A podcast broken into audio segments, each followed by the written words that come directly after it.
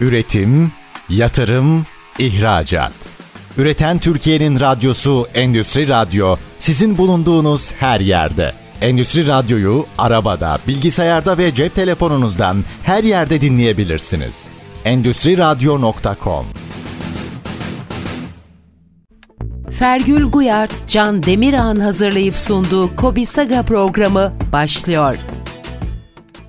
Kobiler için birlikte değer yarattığımız radyo programımız Kobi Saga'ya hoş geldiniz sevgili dinleyiciler. Bugün konuğumuz marka mühendisi Ömürden Sezgin. Hoş geldin Ömürden. Hoş bulduk. Ömürden de benim gibi bir Samsunlu ve Samsun Anadolu Lisesi mezunu. Aynen. Öncelikle böyle bir ortak yanımız olduğunu da belirtmek isterim. Bir de bize birazcık kendinden bahsedebilir misin Ömürden? Ömürden Sezgin yaklaşık 16-17 senedir pazarlama sektöründe çalışıyorum. Endüstri mühendisiyim. Üretimle başladım kariyerime. 2 sene üretimde böyle e, bayağı yoğun bir mühendis olarak çalıştım. E, 16 senedir de marka mühendisliği yapıyorum diyeyim. Marka danışmanlığı aslında. Mevcut işte markalara veya yeniden doğacak, sıfırdan doğacak markalara yol arkadaşlığı, stratejik anlamda yönlendirme, onların e, büyümesi, doğması ve yol alması konusunda danışmanlık yapıyorum. Bu aslında 6 senesi de Neon bir kuruluşunda geçti. Ama dışında kalan bütün o 12-11 senelik zamanda da bu marka pazarlama anlamında dışarıdan danışmanlık yaptım. Ankara adında bir şirketimiz var, danışmanlık şirketimiz. Burada birçok markaya, birçok farklı sektörden markaya e, yol arkadaşlığı yapıyoruz. Yol arkadaşı diyorum çünkü danışmandan öte biz biraz daha işin içine giren, işin e, orada ekibin parçası olan, onlarla yürüyen bir görevimiz var. E, Samsun Anadolu Lisesi dedin. O da gönlümüzün en güzel markalarından. E, buradan da bütün e, kolejlere selamlarımızı iletelim. Süper bir marka diyoruz o zaman Samsun Aynen. Anadolu Lisesi içinde. Peki şimdi marka mühendisi dedin. Endüstri mühendisiyim ama marka mühendisliği yapıyorum. Diplomasız bir marka mühendisisin aslında. Aynen öyle.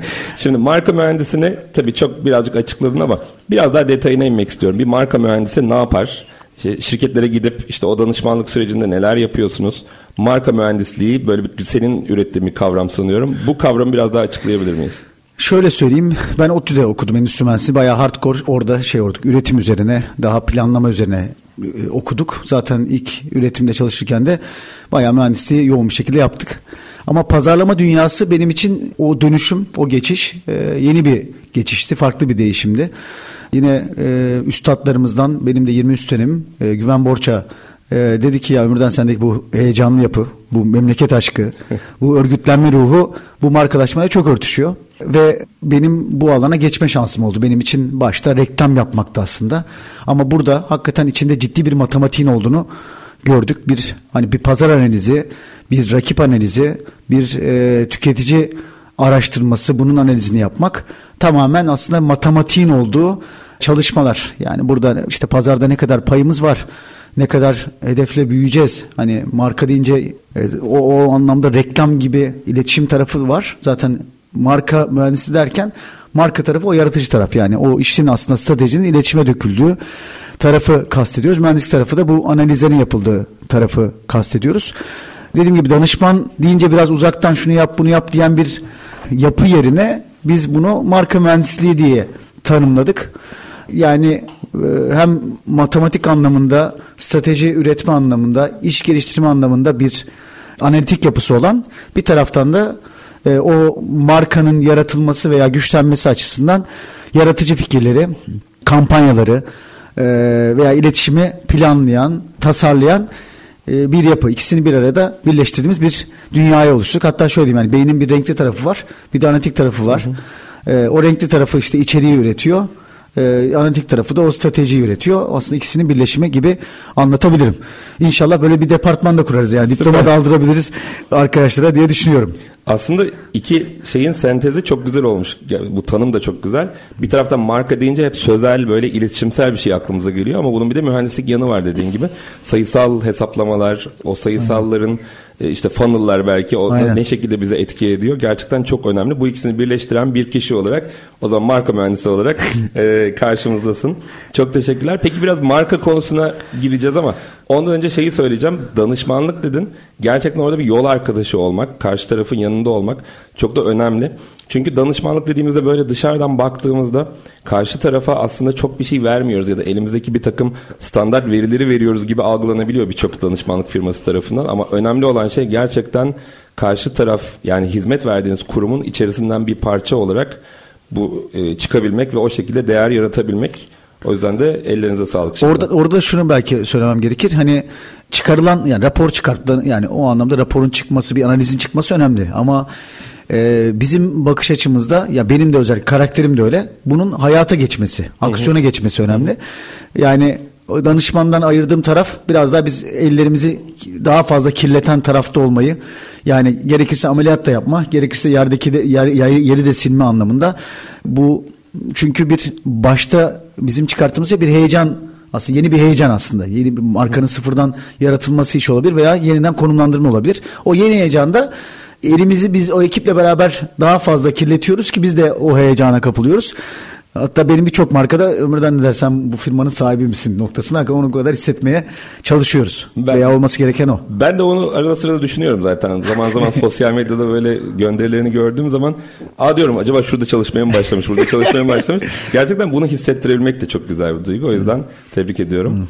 Peki şimdi markaya başlıyoruz. Marka marka olmak diye bir kavram var. Ben marka olmak kavramını çok merak ediyorum gerçekten. Marka olmak hem iyi bir şey midir bu arada? O da o da bir soru.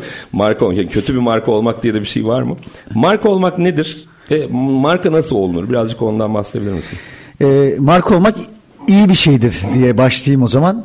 Çünkü marka dediğimiz şey yani iki ürünü, iki hizmeti, iki yani benzer şeyi birbirinden ayırmaya yarayan hı hı. işte harfler, rakamlar, işaretler olarak başlamış. Ee, işte iki tane inek var ve iki birinin sahibi Michael, birinin adı sahibi John.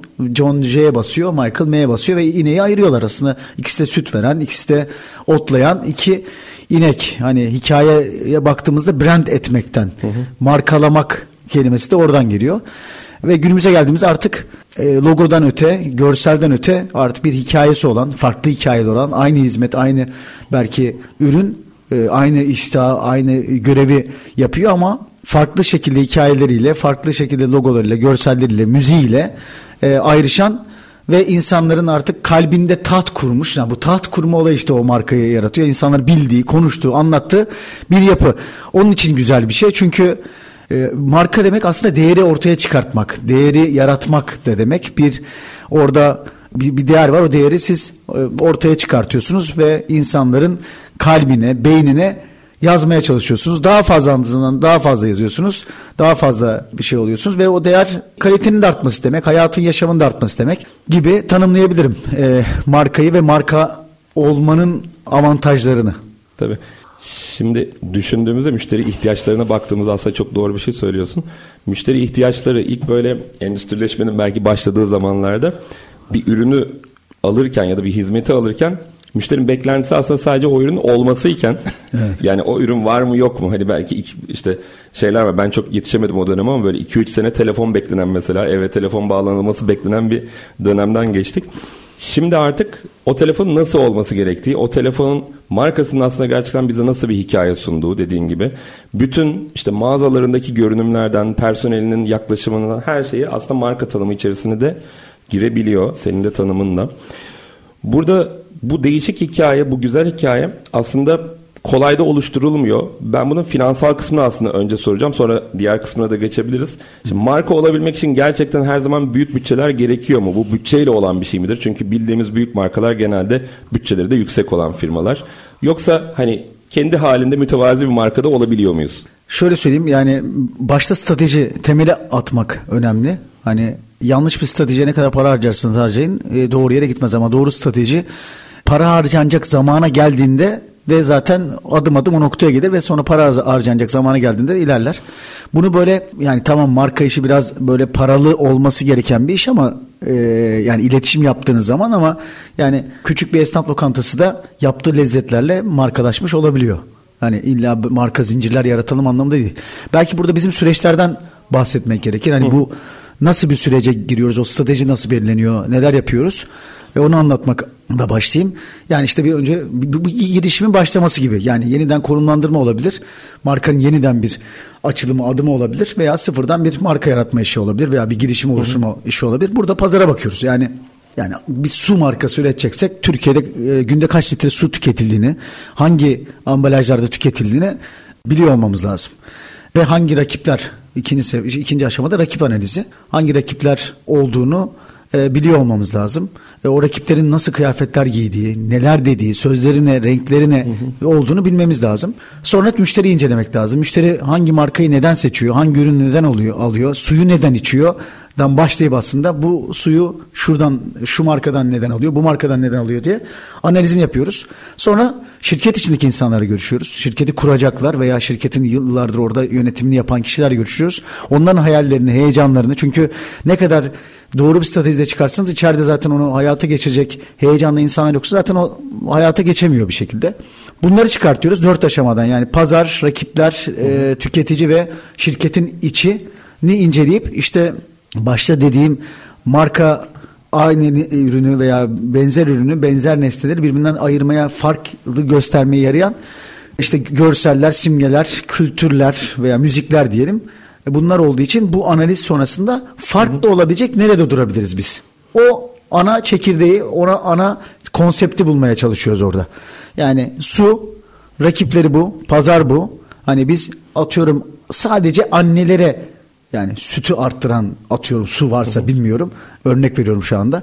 Biz annelere böyle bir su e, yaratacağız dediğimizde hani farklı bir pazar yani bir, bir belli bir hedef kitleye fark yaratan e, bir söylemle çıkabileceğimiz bir boşluğa girmiş oluyoruz aslında. Bu her sektör, her hizmet için, her ürün için hatta işte kentler için bile turizm tarafında her sürü sektörde yapılabilecek, yapılması gereken aşamalar. Bu aşamaları bitirdikten sonra dediğim gibi o farklı olacak boşluk neresi? O boşluğu biz nasıl yer alacağız?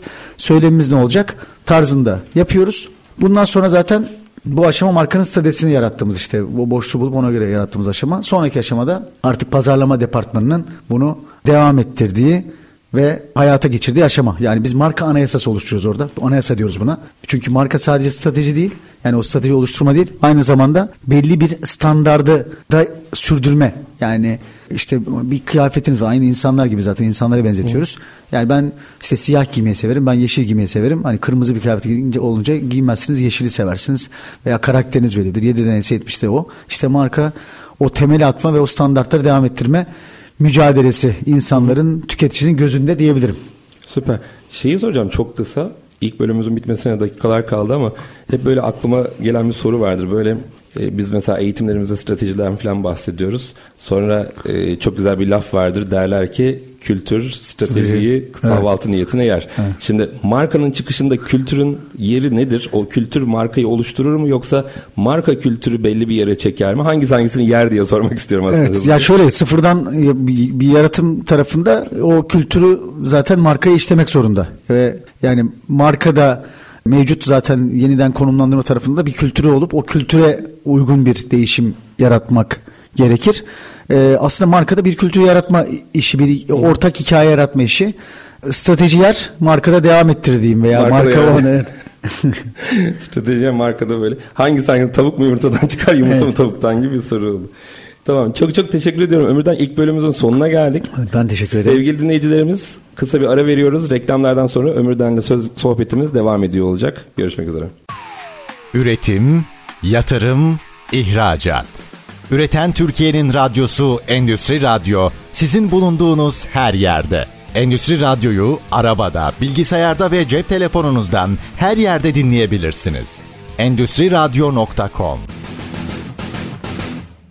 Sevgili dinleyiciler, Kobiler için değer yarattığımız radyo programımız Kobi Saga devam ediyor. Konuğumuz marka mühendisi Ömürden Sezgin. Ömürden markayı konuşmaya devam ediyoruz. Şimdi bir sorun var. Marka olmak teriminden bahsettik aslında ama marka olmak hani çok kolay bir şey değil. Evet şu anda bilmiyorum biraz daha farklılaştı mı acaba?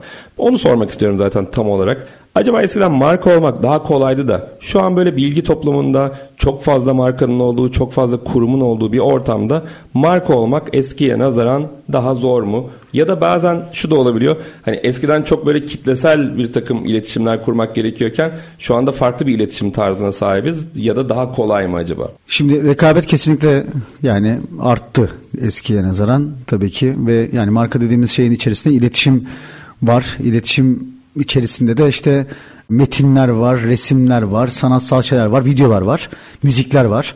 Yani geçmişte bunlar e, belli güçte firmaların, şirketlerin yapabileceği şeyken günümüzde bu iletişim anlamında bir kolaylık var diyebilirim. Rekabet çok. Hani geçmişte rekabet az. E, zaten güçler farklıydı o anlamda. Yani bir poster üretmek, bir televizyon reklamı çıkmak, bir video üretmek falan meseleydi. Şimdi mücadelede çok rakip var ve her biri kolay bir şekilde geçmişe göre daha farklı e, iletişim araçlarını kullanarak hani iki şeyi aslında biz çözmeye çalışıyoruz burada. Ne diyeceğiz? Kime diyeceğiz? Ne diyeceğizin aslında içinde içerik var. Yani şu anda içerik yaratmak, e, video üretmek, fotoğraf üretmek, müzik üretmek geçmişe göre daha kolay. Yani sadece o yolu iyi planlamak ve e, stratejiyi kurgulamak lazım e, o araçları iyi kullanmak lazım. İkincisi de dediğim gibi yani birincisi içerik, ikincisi medya. Kime diyeceğiz? O medya tarafı da şu anda geçmişe göre çok daha kolay. Hatta işte şahıslar artık yani kişi marka e, konuştuğumuz hani kişiler, şirketler, kentler baktığımızda kişiler artık o anlamda fenomen diye bir kavram çıktı. Hani onlar da bu şey içeriği üreterek ve bu sosyal medya, dijital üzerinden dünyanın dört bir yanına ulaşabiliyorlar. En azından hani rakiplerle beraber yine zor onların arasından sıyrılmak, kendini gösterebilmek ama şöyle bir güzellik var. Yani İstanbul'dan veya Samsun'dan Samsun'un işte Terme ilçesinden veya işte Giresun'un Trebol ilçesinden oradan geçirelim. Fındığı dünyaya satabilecek e, bir iletişim yapabilme imkanı var. Yani bu hakikaten güzel bir şey. Bu hakikaten teşvik eden bir şey. Girişimciliği de, marka olmayı da, marka olma iştahını da teşvik eden bir şey. Sadece dediğim gibi o stratejiyi belirlemek. Yani çok para harcamak değil, harcayacağın parayı iyi planlamak ve e, akıllı harcamak e, diyebilirim. Yani böyle baktığımızda geçmişte rakip yani belli başlı firmalar var. Şimdi daha fazla var ama e, isteyen akıllı şekilde bunu kullanan dünyalara ulaşabilir. Dünyalara hatta sadece Türkiye'de dünyalara ulaşabilecek bir marka iletişim yapabilir. Evet. Bazı şeyler zorlaştı, bazı şeyler kolaylaştı aslında evet. bir bakalım. Evet. Şimdi şey de önemli tabii. Ee, ona da değineceğiz. Birazdan soracağım. Global bir marka olabilmek diye de bir terim var. Hı hı. Ona geleceğiz. Burada için kolaylaştı deyince direkt aklıma o geldi. Hani artık e, işte Giresun'daki fındığı yurt dışına satabilmek diye bir kavram var gerçekten. Bu açıdan da inceleyeceğiz. Peki ona gelmeden yani globale geçmeden biraz Türkiye'den bahsedelim. Türkiye'deki markalaşmanın durumunu ne şekilde görüyorsun acaba? Önce az önce yani Giresun fındığı dedik ya fındık olarak aslında göndermekti. Biz mesela Türkiye çok güzel üretim işte tarım ülkesi. Fındığı mesela fındık olarak hani hı hı. en kötü belki kavurarak gönderiyoruz ve iki buçuk milyar dolarlık bir ciro elde ediyoruz ki bu 1.7'ye düşmüş milyar dolar hı hı. olarak 1.7'ye düşmüş bu sene ve Türkiye'nin en büyük ihracat kalemi fındık. Hı hı. İnanılmaz bir rakam yani. iki buçuk milyar dolarlık bir para yaratıyoruz. Yani iki buçuk milyar dolar deyince fiyat yüksek geliyor ama e, fındığı alıp da kullanan kimler var? Masamıza kadar getirip onu çikolata haline çikolata ile beraber karıştırıp inanılmaz ve üstüne belki Türkiye fındık tanıtım grubundan daha fazla bizim tanıtımımızı yapan bu çikolatada işte e, ismini de verelim yani o Sarayla Nutella gibi markalar diyelim. Hı hı. E, bir İtalyan markası bu. Üstüne de e, işte e, eşsiz lezzetli Türk fındıklarıyla üretilmiştir deyip aslında reklamını da bu anlamda iyi yapan bizi bu anlamda tanıtan da bir görev üstleniyor. O, yani veya böyle bir katkı sunuyor. Bu firmanın cirosu 13 milyar dolar. Hı. Yani biz fındığı veriyoruz 2,5 milyar dolar çok güzel ihracat kalemi Türkiye gibi coğrafyadaki zenginlikleriyle hikayeleriyle bir ülkenin 2,5 milyar dolarlık en büyük %70'i e, dünyanın karşılayan bir ürünü veriyoruz ve adam bize 12,5 milyar dolar bize değil de dünyaya 12,5 milyar dolara satıyor. Farklı ürünler geliştiriyor falan. Yani çünkü bu işi e, iç, içine katma değer katarak, hikaye katarak, ürünü değiştirerek ne bileyim bir web sitesi yaparak, bir müzik yaparak, bir reklam filmi yaparak biz buna soyut şeyler diyoruz. Soyut şeyler hani bu zaten hikaye oluşturan şeyler bu soyut şeyler. Biz ne yapıyoruz Türkiye'de? Daha fazla somut şeylere yatırım yapıyoruz. Somut şeyler bizim gözümüzde. Yani araba, ev, yol yani veya binalar yani bu, bu bunlar bunlar tamam yani ama biz eski bir binayı hikayesiyle beraber yeniden yaşatmak yerine o binayı yıkıp yeni bina yapıyoruz. İşte adam o onun değeri o hikaye yarattığımızda 20 iken 25 iken biz bir bina yapıp 5, 5 bedelde satmaya çalışıyoruz. Türkiye'deki durum tekstilde de benzer bir durum var. Tekstil konusunda çok güçlü bir ülkeyiz. Yani ben e, böyle global yine İspanyol bir markaya çalışan Türkiye'de bir marka için çalıştım ve burada 50 liraya 60 liraya işte o tasarımları da bizim tarafımızdan yapılan etekleri kıyafetleri yapıp İspanya'ya gönderip İspanyol markasını basıp tekrar Türkiye'ye gönderildiği bir dünyada 50 liralık ürünü burada 600-700 liraya e, almak zorunda kalıyoruz. Aslında 50 lira yani maliyeti 50 lira. Burada o 650 liralık 700 liralık üst içerisinde katma değer işte o soyut şeyler. Çünkü o .com sitesi var. O siteden online satış yapıyor. Sosyal medyada videoları var, iletişim var, hikayeleri var.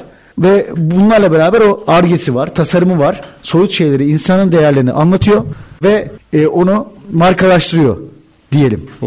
Bu anlattığın şey ömrüden aslında bizim yıllar önce üniversiteden mezun olurken daha doğrusu üniversite mezuniyeti sırasında da ekonomi derslerinde gördüğümüz şeydi. O katma değer evet. ülkemizin genel olarak bir sorunuydu. Biz işte fındık örneği verdim. Biz de o zaman galiba çilek miydi neydi bir meyve ya da sebze örneği veriyorduk. Hani meyveyi biz ham olarak üretip ihraç ediyoruz. Ondan sonra işte donduruyorlar. Sonra ithal ediyoruz. Böyle hem ara mamullerde hem de ya da son nihai ürün olarak gerçekten alıyorduk.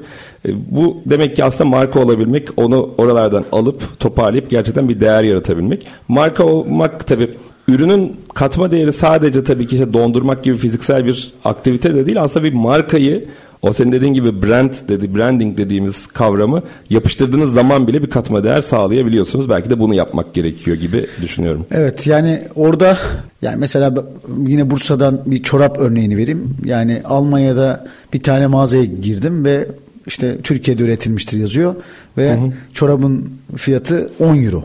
10 euro. 20 mi oldu ne oldu? 200 TL.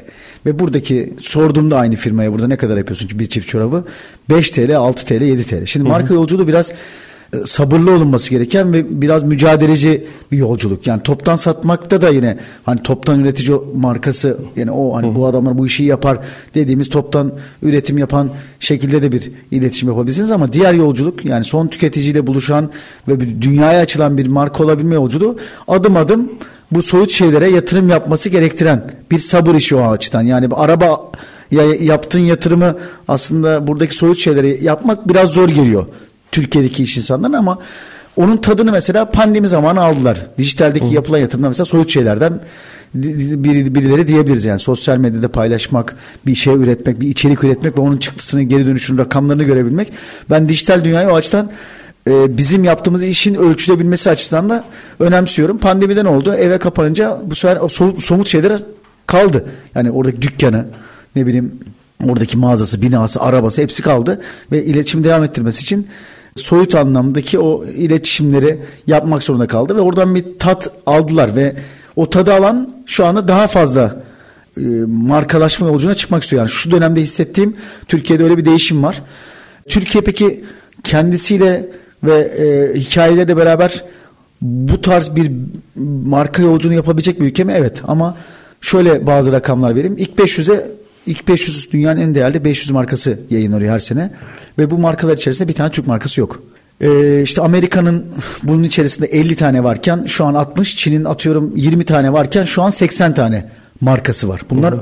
yani bunlar başlı başına bir büyük marka değeri oluşturuyorlar. Şöyle bir rakam da vereyim. Çin'in de bu arada marka listesine girmesi gerçekten olağan dışı bir şey. Çünkü eskiye göre düşündüğümüzde evet. eskiden Çin malı mı diye bir lafımız vardı. Hani evet. Çin malı sanki böyle hep taşeron, arka tarafta yapılan işte kopyası yapılan şeylerken şu an marka listesinde. Evet. Çok değerli bence. Ve değerleri şöyle anlatayım.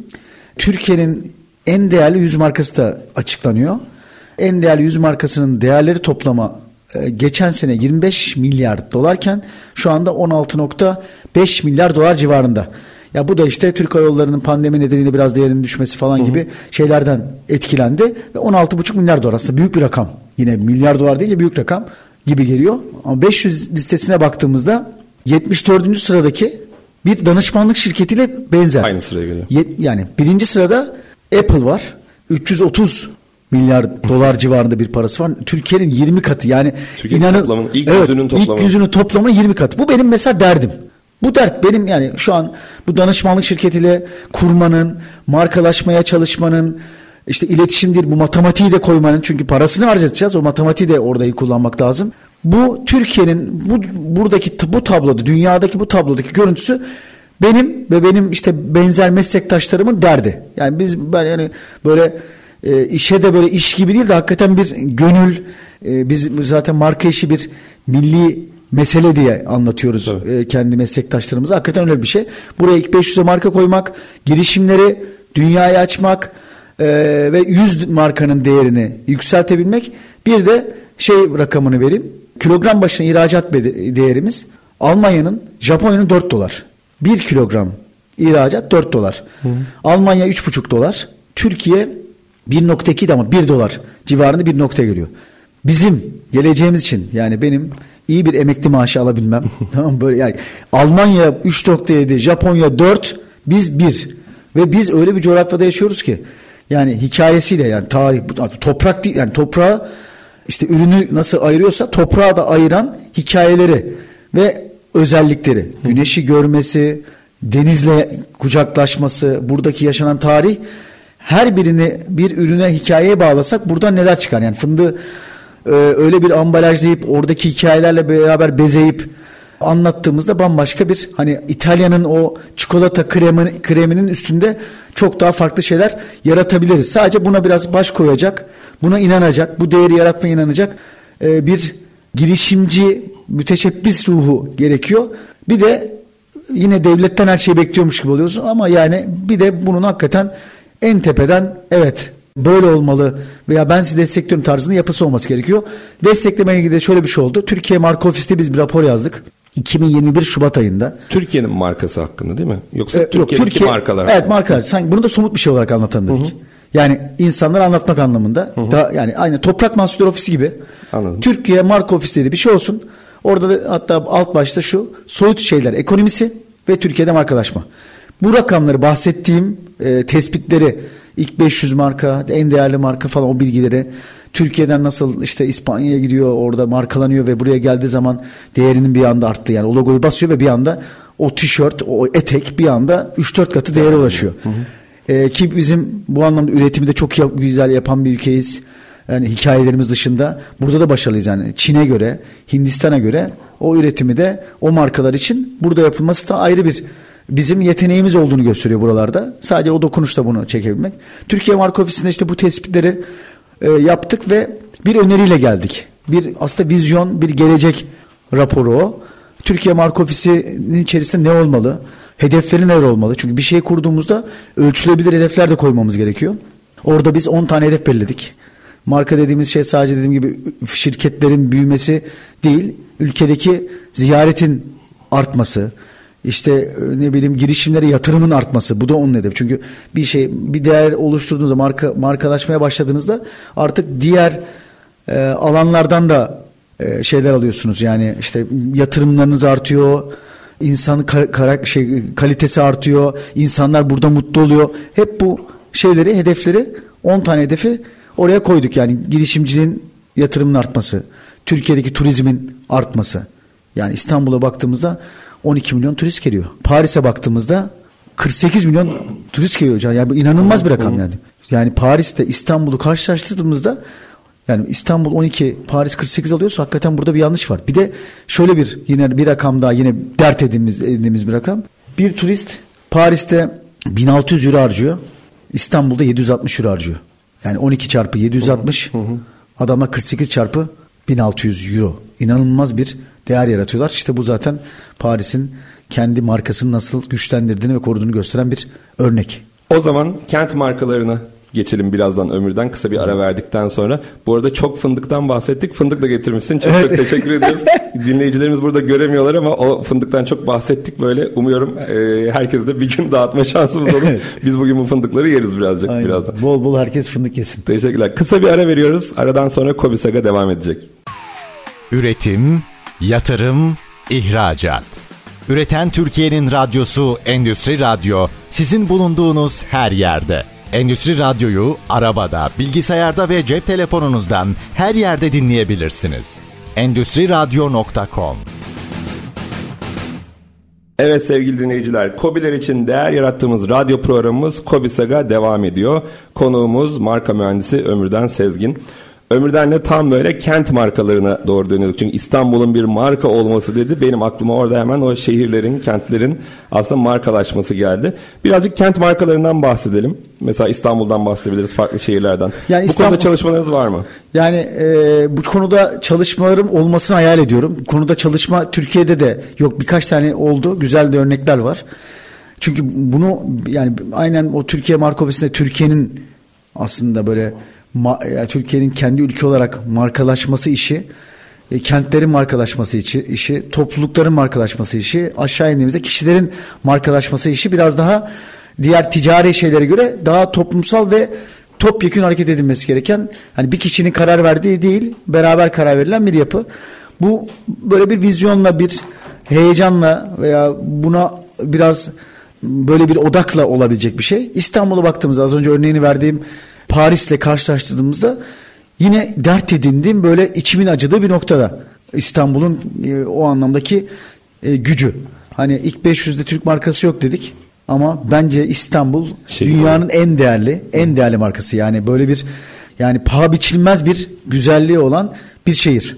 Bunu dediğim gibi her marka için yaptığımız pazar analizi, rakip analizi diye baktığımızda burada o kadar büyük fırsatlar veya heyecanlar var ki e, İstanbul için yapılabilecek. Bir kere iki kıtanın öpüştüğü bir yer yani burası. Evet. İki kıtanın bir araya geldi. Eğer Paris romantizmse İstanbul on kat daha romantizm yani.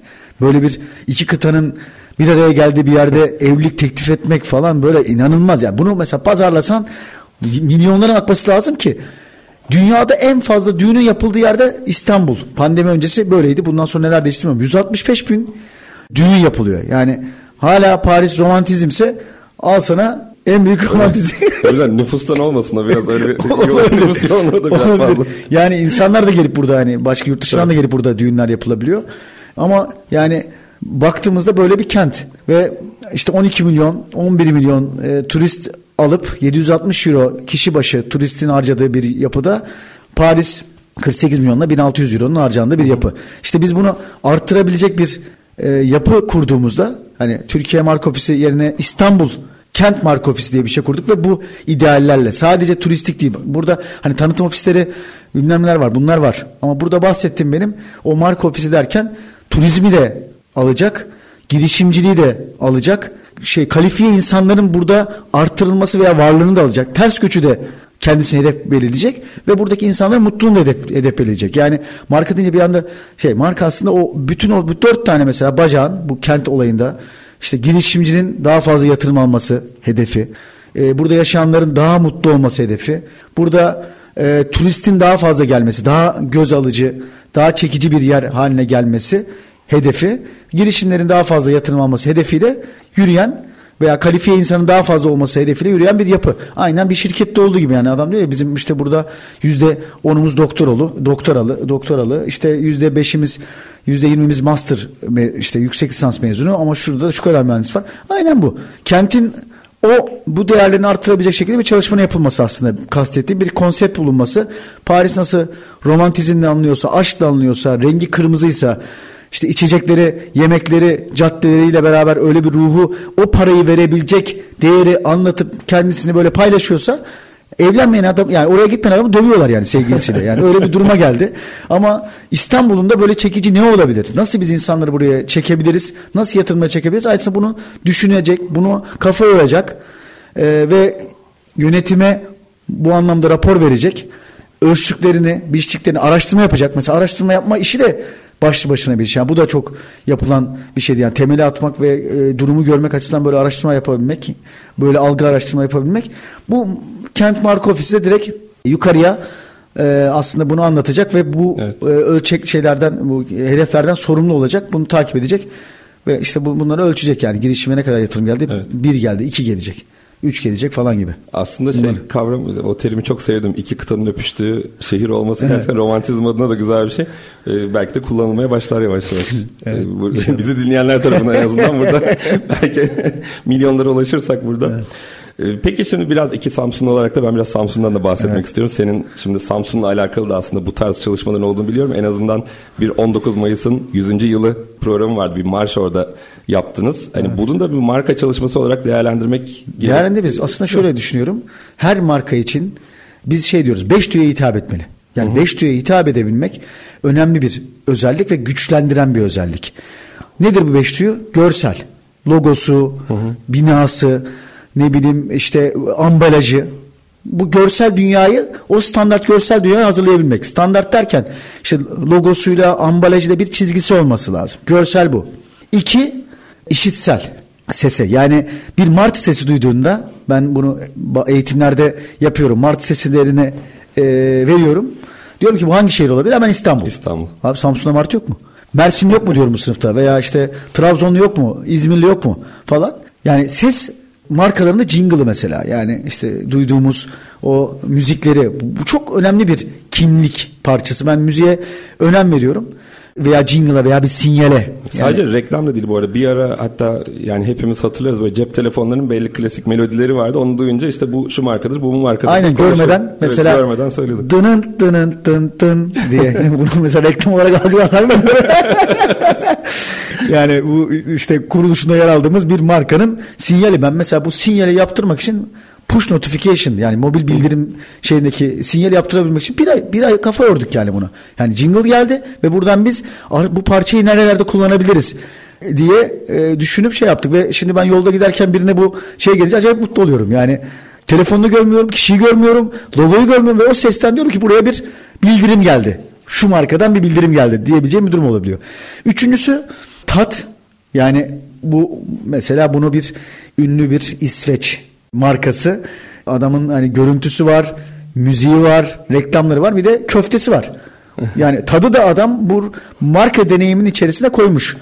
Bu kentlerde var. Yani yani pide deyince başka bir şey düşünmüyoruz yani. O pidenin yani tadını bir yerde kokladığımızda istersen Almanya'da ol, istersen işte Suadiye'de ol. Hemen burada şeyi anlıyorsun. Ya diyorsun ki evet Samsun diyorsun yani bu deneyimin tatlı bir parçası. Ee, dokunma var. Yani o dokunma dediğim işte ne bileyim taştan yapılmış olabilir veya e, bir kafe markası, kahve zinciri. Onun koltuğundaki o dokunma anlamındaki e, parça önemli olabiliyor. Ve koku var. Yani atıyorum böyle denizin iyot kokusu hani onu hissettiğimizde diyorsun ki mesela şey Marmaris'te ben mesela o yatların ve böyle arenada yürürken bir koku gelir ya böyle. Yani o bana tatili hatırlatıyor. Hatırlatıyor. Ne bileyim işte e, Bayraklı'nın e, İzmir'in zamanında bir kokusu vardı. Gitti falan orada bir koku var. İşte bunu mesela markalar şöyle kullanıyor. Bir mesela tekstil mağazaları zinciri, moda markası zinciri mesela bu kokuyu çok koku tasarımı yaptık mesela biz bir havayolu firmasına. Yani strateji ve brief'i hazırladık. Kimlik kişiliği insana benzettik. Diyorum ya her çalışmada bir insana benzetiyoruz. Bir kimlik oluşturuyoruz ve kimliği biz koku ajansına biz bunu brief olarak verdik dedik ki buna göre bir koku tasarla. Hava yolları mesela bu anlamda önemli. Kabinlerde mi kullanılıyor? Kabinlerde yani bu araştırma yaparken ben 8 tane farklı hava yoluyla işte Avrupa'da uçtuk falan bir İspanyol hava, hava yolu vardı. Bir böyle bir duman içeri veriyor ve bir koku veriyor sanki şeydesin yani böyle de o böyle deniz kokusu fresh bir koku var falan. Böyle seni bir anda ne derler tazeliyor yani içerisi. Tamam bu bence renkleriyle falan bu hissiyatı verebilen şey görüntüsü, müziği bir de kokuyu koymuşlar inanılmaz. Şimdi gelelim Samsun 19 Mayıs 2019 100. yıl yani bir İzmir marşı söyle yani bir Samsun olarak İzmir marşı söylediğimizde yani İzmirliler çok mutlu oluyor. İzmir'i geçen bir hal. Türkiye'nin ayrıca mutlu olduğu bir durum var ama bir Adanalı İzmir şey marşı söylüyor. Öbürü İzmir, İzmir marşı söylüyor. İzmir'i hatırlıyoruz yani. Samsun'da şarkılar var. Çarşambayı sel aldı var. İşte Ordu, Ordu'nun dereleri var falan. Yine yeşillendi fındık dalları. Hani Karadeniz'e baktığımızda müzikle o şehirlerin de kendi şeyleri var. E, kimliklerin parçası var. Yani e, bu şey gibi yani e, biz anlattığımız zaman reklam oluyor ama başkası söylediği zaman güzel. Şimdi Samsun'un da 100. yıl sadece Samsun değil Türkiye'nin önemli bir adımı. Tabii. 2018 Kasım'da e, Eylül Ekim Kasım'da ben hani belediye valilik bunu da söyleyeceğim yani onların yanına gittim dedim ki ya bir tane yarışma bir şey açalım yani. 100. yıl marşı yarışması açalım ki bu sene 2023 100. yıl marşı yarışması açıldı. e, acayip mutlu oldum yani. Çünkü ben müzisyen değilim. Ve dedik yani bunu yapacağız, yapmamız lazım yani. Samsun'un anıldığı, Samsun'un Samsun'un kimliğiyle o beş duyudan duymaya hitap eden bir yapıda şey yapacağız. Yani böyle bir ürün yaratacağız. Sadece duymaya yapmadı. YouTube'a koyduğumuz için bayağı bir video seferberliği de ilan ettik. Atakum'daki bir işte buradan da selam verelim. Adem sağ olsun dronlarla onlarla bunlarla bayağı çekim yaptı yani. İşte Kasım ayında marşı yazdık. Sözleri ben yazdım yani ben de müzisyen değilim, şair de değilim ama bir şekilde içinde Samsun geçen e, ve e, Samsun'un kent kimliğiyle ilgili hani burada çok detaylı bir strateji yapmam gerekiyor çünkü içinde yaşadığım bir yer. Hani Samsun sağlık aynı zamanda gençlik şehri yani bayramı da öyle falan. İki Samsun'u sohbet edince çıkıyor onlar zaten. Ve yani e, farklı farklı özellikleri var ama yani gençlik bayramının olduğu bir şehir. Gençlik ruhunun olduğu bir şehir. Meşalenin yandığı bir şehir. ilk adımın atıldığı bir şehir. E, sağlık anlamında da aslında sağlık şehri dediğimiz yine bence gençlikle sporla alakalı e, spor şehri olması. Yani bu dinamik böyle şey marşı değil. Yani o brief kafamızda oluştururken böyle dın dı dı dın dı dın gibi bir marş değil. Sıka tarzında bir müzik olsun dedik yani. Athena tarzında. Benim hani hay- hayalim Athena grubunun müzikleri gibi. Dın dırın tıt tıt tıt böyle hani Gaza o gençliği getiren. aynen gaza getiren gençliği sürükleyecek bir şey olsun. Bu metni işte hazırladık. Ee, yine e, 2000 mezunu Samsun Lisesi'nden Can Mutlu bunu böyle bir müziğe çevirdi. O da güzel yani çok, çok yetenekli bir müzisyendim kendisi. Bana diyor ki abi işte yarım saat 10 dakika dedim ki öyle bir şey yok. Bu 10 bin artı 10 dakikada çıktı yani sen yani istediğin zaman yani kolay çıkabilecek işlerdir adam. Gitarı bir tırnatıyor bir anda bambaşka bir hale getiriyor müziği. O açıdan ona da teşekkür ederim ve selamlarımızı iletelim. İşte müziği çıkarttı ve dedik ki biz bunu şey yapacağız. Yani 19 Mayıs 2019'da bunu yayınlayacağız. Yani Samsun'un yani dijital anlamda o kadar güçlü bir iş oldu ki bunu YouTube'a koyduk. Hatta e, Burak Ertetik e, aranjesini yaptı. Dedi ki abi ben 20 Mayıs'a yetiştirebiliyorum aranjeyi. dedim ki öyle bir şey yok. Yani dedim yok iletişimde iletişimde yani ne zaman yani doğru şeyi aslında doğru zamanda söylemen de önemli. Yani 20 Mayıs'ta ben 19 Mayıs marşı 100. yıl desem bu etki yaratamazdı. Dedim ki abi yatma, uyuma, kalkma neyse artık. Ne yapıyorsun? Bunu 18 Mayıs, 17 Mayıs bir şeye yetiştir. Sağ olsun 17 Mayıs'a yetişti. YouTube'a koyduk video ile beraber ve böyle inanılmaz bir etki oluştu. Fox TV'de canlı yayında sabah Samsun'a dönüyoruz. Samsun'da 100. yıl marşı var falan diye anlatıp bunu çıkarttılar ve biz böyle sanki milli marş yani bütün evleri hayal edebiliyorum orada. Milli marş şey milli maçta gol atmış gibi e, galibiyet golü atmış gibi sevindik böyle havalar uçtuk falan. Süper. Bir anda böyle yani oradan 3 milyona işte e, sosyal medya üzerinden 100 binler 200 binler toplamda böyle 3,5-4 milyon kişiye erişen bir etkisi oldu.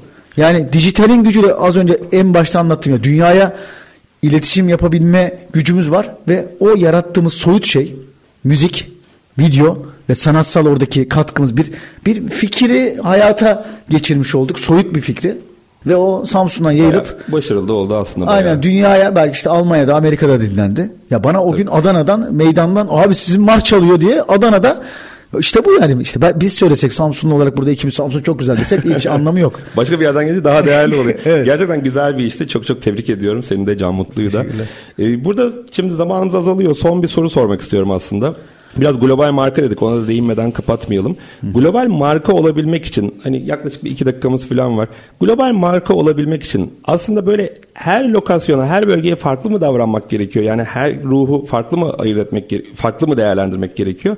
Yoksa global mar- marka her yerde mutlaka kendi adımla ben kendi ruhumla her yerde işler diye mi düşünmek gerekiyor? Burada neye dikkat etmemiz gerekir? Yani o dediğim gibi standartınız olması gerekiyor. Yani o lokal lokale girdiğinizde de o standartları bir şekilde devam ettirmeniz gerekiyor ama yani görsel anlamda, kimlik anlamında, kişilik anlamında ama bir şekilde o yerele özgü yereli çekecek değişiklikler de yapmanız gerekiyor. Yapmanız zaten sizi orada daha yakınlaştırıyor, daha şıklaştırıyor. En azından iletişiminizi ona göre yapıyorsunuz. Daha sıcak oluyor bir de Daha sıcak oluyor. Mesela ee, yine global bir e-ticaret firmasının Türkiye'deki reklamlarına bakalım. Almanya'daki reklamlarına bakalım. Hindistan'daki reklamlarına bakalım. Mesela Hindistan'da şöyle bir rapor geldi ben hani böyle 200 sayfalık bir rapor. Orada e, detaylı görmüştüm. Yani Hintliler diyor çok duygusal insanlardır. Ve reklam filmlerini izlediğinizde o duygusallığı görüyorsunuz. Bize de çok benziyor. Dedim ki ben kısmen bize de böyle benzer bir reklam yapacaklar. En azından hizmetiniz, ürünüz de bir standardı korumanız gerekiyor ama iletişimde farklılaşarak insanları e, çekebilmeniz lazım. Farklı şekilde konumlanabiliyor. Yani işte bir yine restoran firması Türkiye geldiğinde pahalı başta dünyada ucuzken pahalı konumlanmıştı ve kendini yavaş yavaş aşağı çekti. Girdiği zaman da o şeyi değiştirmiş oldu.